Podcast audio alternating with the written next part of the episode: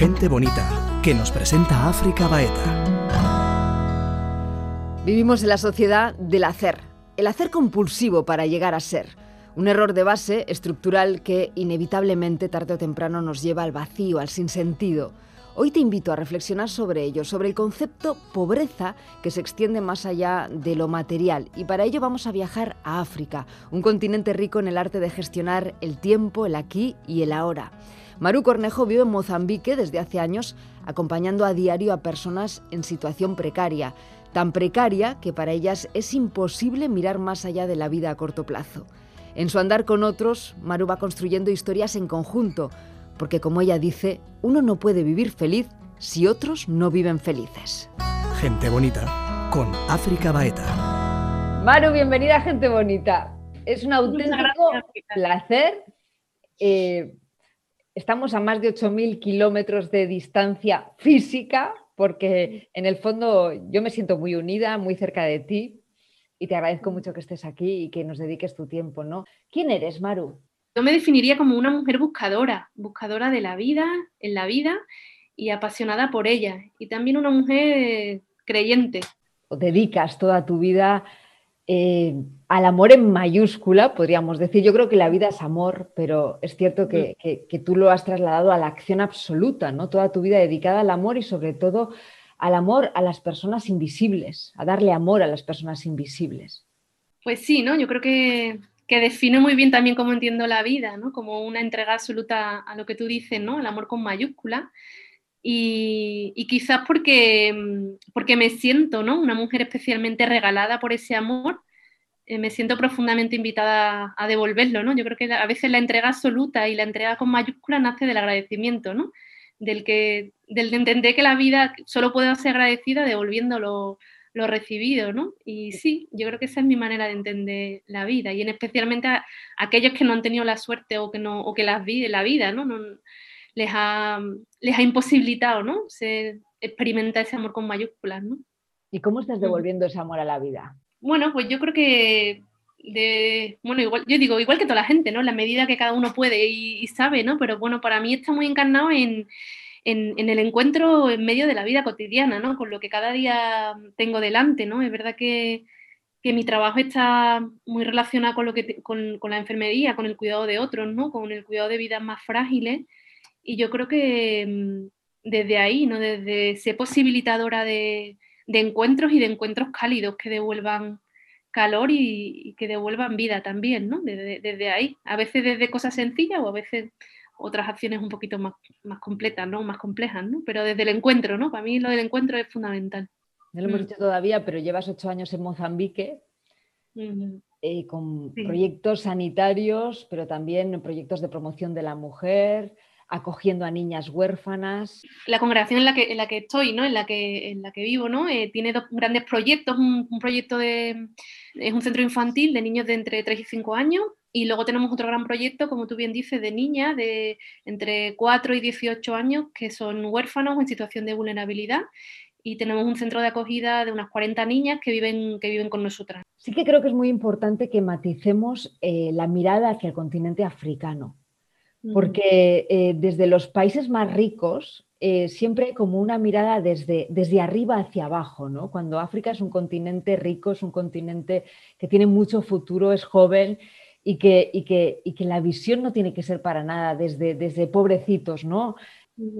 Pues sí, yo creo que esa visión te cambia cuando vives aquí, ¿no? África, cuando uno tiene la experiencia de de que esta sea tu casa, ¿no? No vengo de visita ni vengo un mes de voluntariado, ¿no? Sino que esta es mi tierra, ¿no? La tierra que me ha acogido, la tierra en la que vivo y en la que me entrego cada día, ¿no?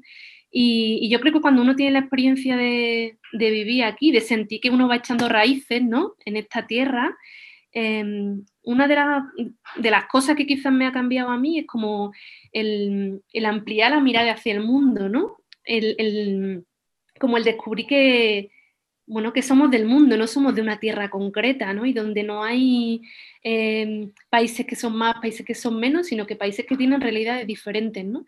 Y que, y que somos, o sea, como que para mí la humanidad como que se me, se me ha ampliado, ¿no? Y es verdad que cuando uno llega a Europa, pues sí, que es verdad que yo muchas veces siento como, como que uno o que allí, ¿no? Qué pena, ¿no? Los pobres, o sea, la sensación a veces de que son los pobres, de que qué pena, ¿no?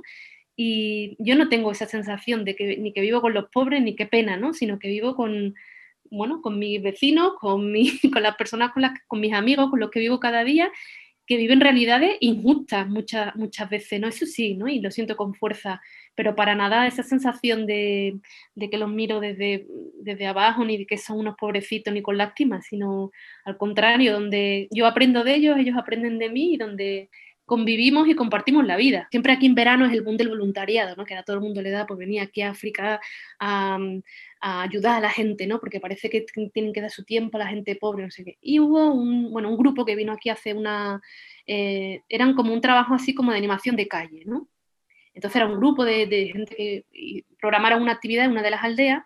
¿Qué pasa? Que, que programaron una actividad con niños que se les fue de las manos porque claro, tú aquí programas una actividad con niños y vinieron como 300 niños, porque hay niños hasta debajo de las piedras. ¿Qué pasa? Que llegó un momento que cuando vieron tantos entre que no hablan la lengua local los voluntarios, no sé qué, pues me llamaron diciendo que, que, hacían, que no sé qué, no sé cuánto. Y camino hacia, hacia la actividad, hacia la aldea, uno de los africanos, de, los chavales que, que, llevan conmigo, me, me preguntó, ¿no?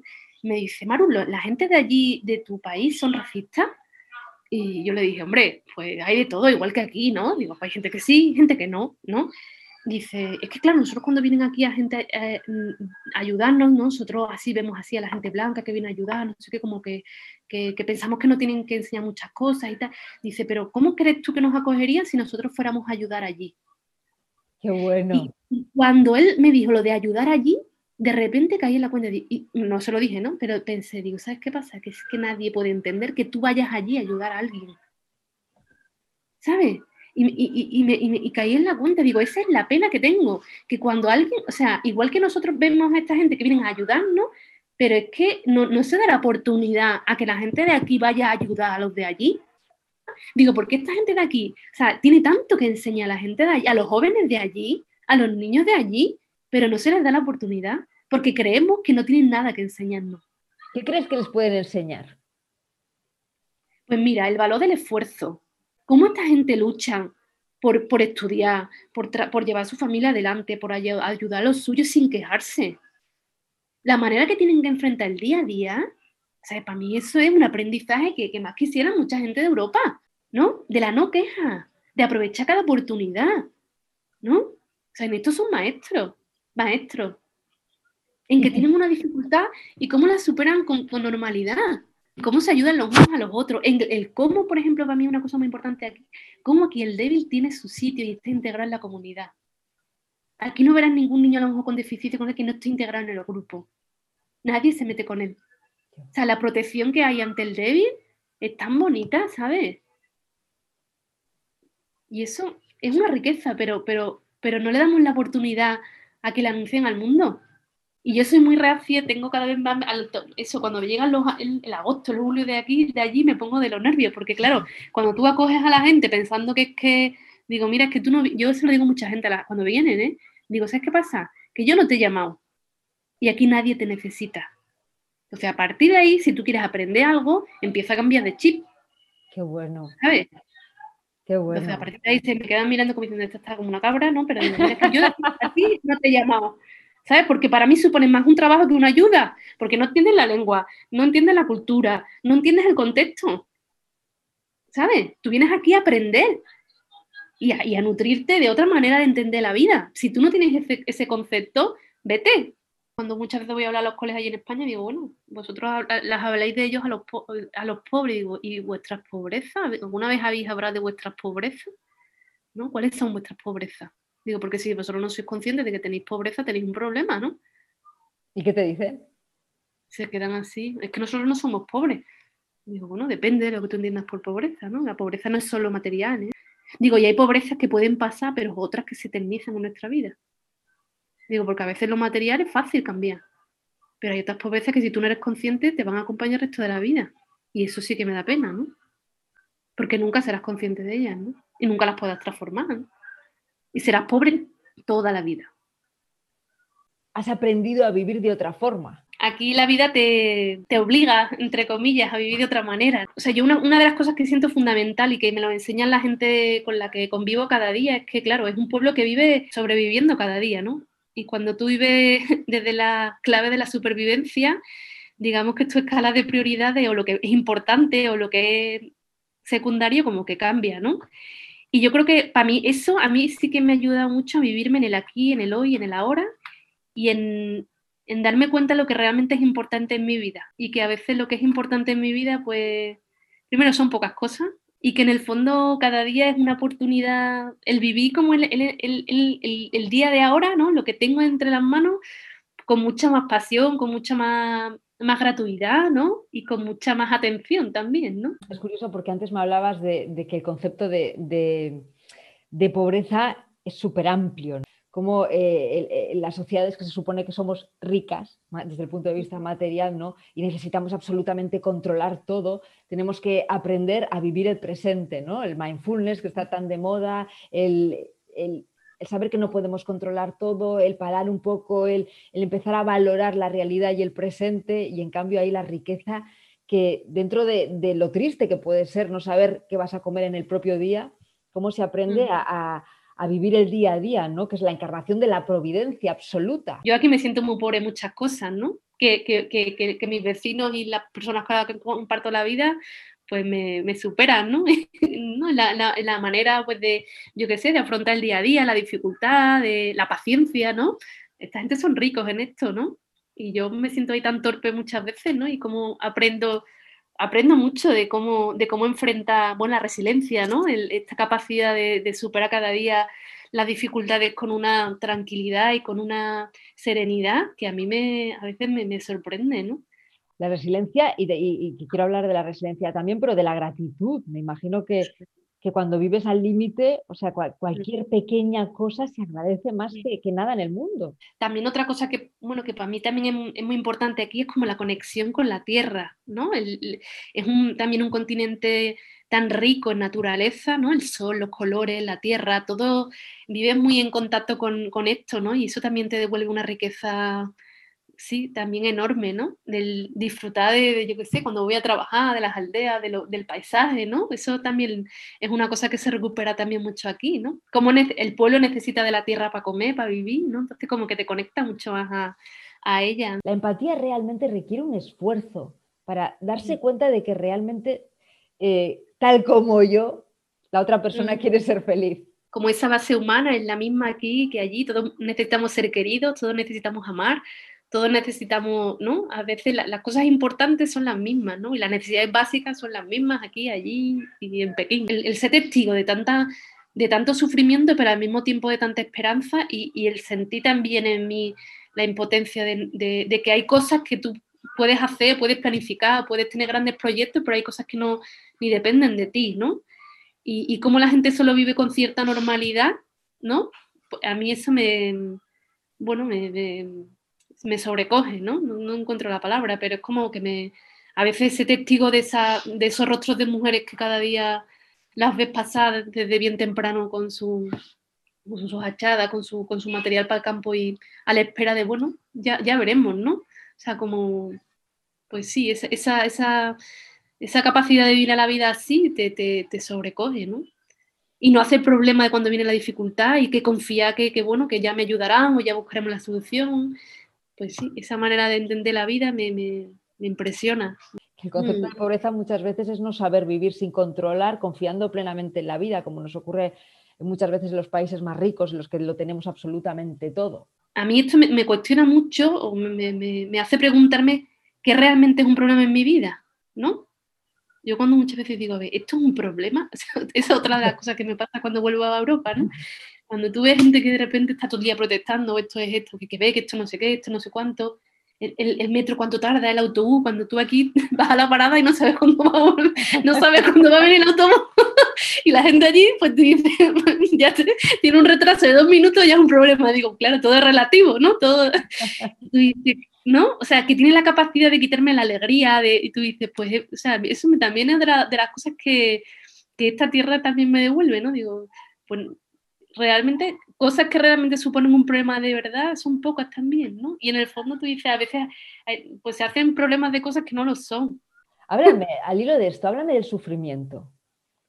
Como lo estás viviendo ahí y como lo vives cuando, cuando vienes aquí. a mí, para mí el sufrimiento de aquí es cuando veo que la gente le pasan cosas que marcan la vida por, por causa de la, de la injusticia, de la falta de posibilidades. Sí, ese dolor del corazón de, de, ver que mi hermano sufre, ¿no? De sentir que el otro sufre que es mi hermano, que es humanidad, es humanidad compartida y que, que no puedes aliviar ese sufrimiento. Qué diferente, ¿eh? Qué diferente es conocer la realidad cuando, cuando la pisas, la tocas, ¿no? Cuando compartes con el otro a cuando te la escuchas de oídas, ¿no? A cuando la ves en la tele y bueno, y, y, cuando, a cuando la realidad tiene rostro, tiene, está encarnada, ¿no? Tiene, tiene, tiene nombre, ¿no? Tiene historia y tiene, tiene carne, ¿no? Tiene, sí, eso te duele más, ¿no? O sea, la sensación de decir, sí, la vida compartida al final es lo que, lo que te genera esa sensibilidad también ante el otro también. ¿Cuál es la clave del acompañamiento? ¿El silencio, la escucha? Mm, la clave del acompañamiento, yo creo que es fundamental esa, la escucha activa, ¿no? Ese, ese escuchar siempre desde, con todo lo que tú eres, ¿no? Desde la acogida incondicional, acogiendo lo que el otro es, no, no, lo que tú quieres que el otro sea, ni la historia que tú quieres, ¿no? Sino acoger lo que, lo que el otro trae. Y, y para mí otra clave de acompañamiento es no, no suplantar al otro, ¿no? O sea, el, el ir al lado, pero no ni delante ni detrás, sino desde, desde lo que el otro necesite, ¿no? Que el otro vaya marcando también los ritmos, ¿no? ¿A qué conclusiones llegas sobre la vida, Maru? Fíjate lo que te pregunto, ¿no? ¿Qué es la vida? Después de todo lo que estás viviendo, compartiendo, de cómo ha sido tu, vida eh, en Occidente, cómo es tu vida en África, de, la forma tan diferente de vivir, de comprender la existencia. ¿Qué es la vida? A ver, la vida, yo muchas veces, cada vez llego a la conclusión de que, de que la vida, primero, son dos días, ¿no? Cada vez como la sensación de decir, qué, rápido pasa el tiempo, ¿no? Como que al final la vida son dos días y que la vida es, encuentro con el otro, ¿no? Con, el, como que la vida se va haciendo los encuentros que tú vas teniendo con las personas en cada momento y que, no, y que, y que, y que ante ella tenemos también como la, la responsabilidad de vivirla como a tope, ¿no? Yo, eso sí que sí que esa es mi conclusión, de que cada día es, la vida es cada día, ¿no? Y hoy la tengo, mañana no sé también si no la tengo. Entonces lo que voy a vivir hoy, lo voy a vivir como, pues, mm, al máximo, ¿no? La sensación de que, de que en el fondo es como el, vivir con hondura, con profundidad, cada, cada encuentro y cada posibilidad que cada día me ofrece, ¿no? Porque ahí está, esto es lo que tengo el hoy. A ver, con, con las niñas del centro yo siempre digo que son, son unas maestras ¿no? de, de, la vida. Y yo he tenido conversaciones, bueno, y recuerdo algunas así en concreto, ¿no? De, llorar por dentro, ¿no? O sea, por la capacidad también que tienen de nombrar ciertas cosas y con la claridad que a veces ven otras, con la, a veces con la crudeza también que ven otras cosas, ¿no? Que a veces también ahí me, me sorprende, ¿no? También se me viene a la cabeza una niña, María, que murió hace unos años, ¿no? Que fue la primera niña que, que murió del centro, que fue una experiencia así como, como muy fuerte, ¿no? De de acompañar a morir a, un, a una niña, ¿no? Pues, pues sí, así conversaciones de, guardar el corazón, ¿no? ¿Pero qué te, qué enseñaban en esas conversaciones? Dime algo que me quedo con ganas de saber. su forma de, em. entender la vida, su forma de, aceptar pues muchas veces su sufrimiento extremo. Mira, hay una, te voy a contar una conversación, ¿no? Que, que eso siempre lo, lo, guardaré de María, de esta niña que yo te dije que, bueno, que murió hace, una niña que tenía VIH y falleció hace unos años, ¿vale? Y, un día, mm, bueno, veníamos, de, veníamos con el coche, traía a María y a otras niñas en el coche y íbamos para casa, ¿no? Y había habido, nosotros hemos que cruzar un puente, ¿no? En un, río pequeñito que hay antes de llegar a casa, ¿no? Y había habido un accidente, ¿no? Y, y no sé qué, y ya habíamos pasado, pues parece que un chaval estaba herido, no sé qué, y otro que, bueno, que había fallecido en el camino. Y decía María, dice, me decía Maru, ese, ese, ese está llorando con el corazón. Y yo me acuerdo que se me quedó así grabado y digo, María, ¿qué significa llorar con el corazón?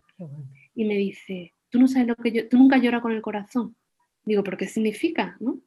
Y me dice, cuando tú ya no tienes lágrimas porque ya lo has llorado todo y solo puedes llorar con el corazón. Y se, me quedó, ¿no? Digo, y ya te digo, te estoy hablando de una niña de 17 años, ¿no? Y pues sí, es como sin palabra, ¿no?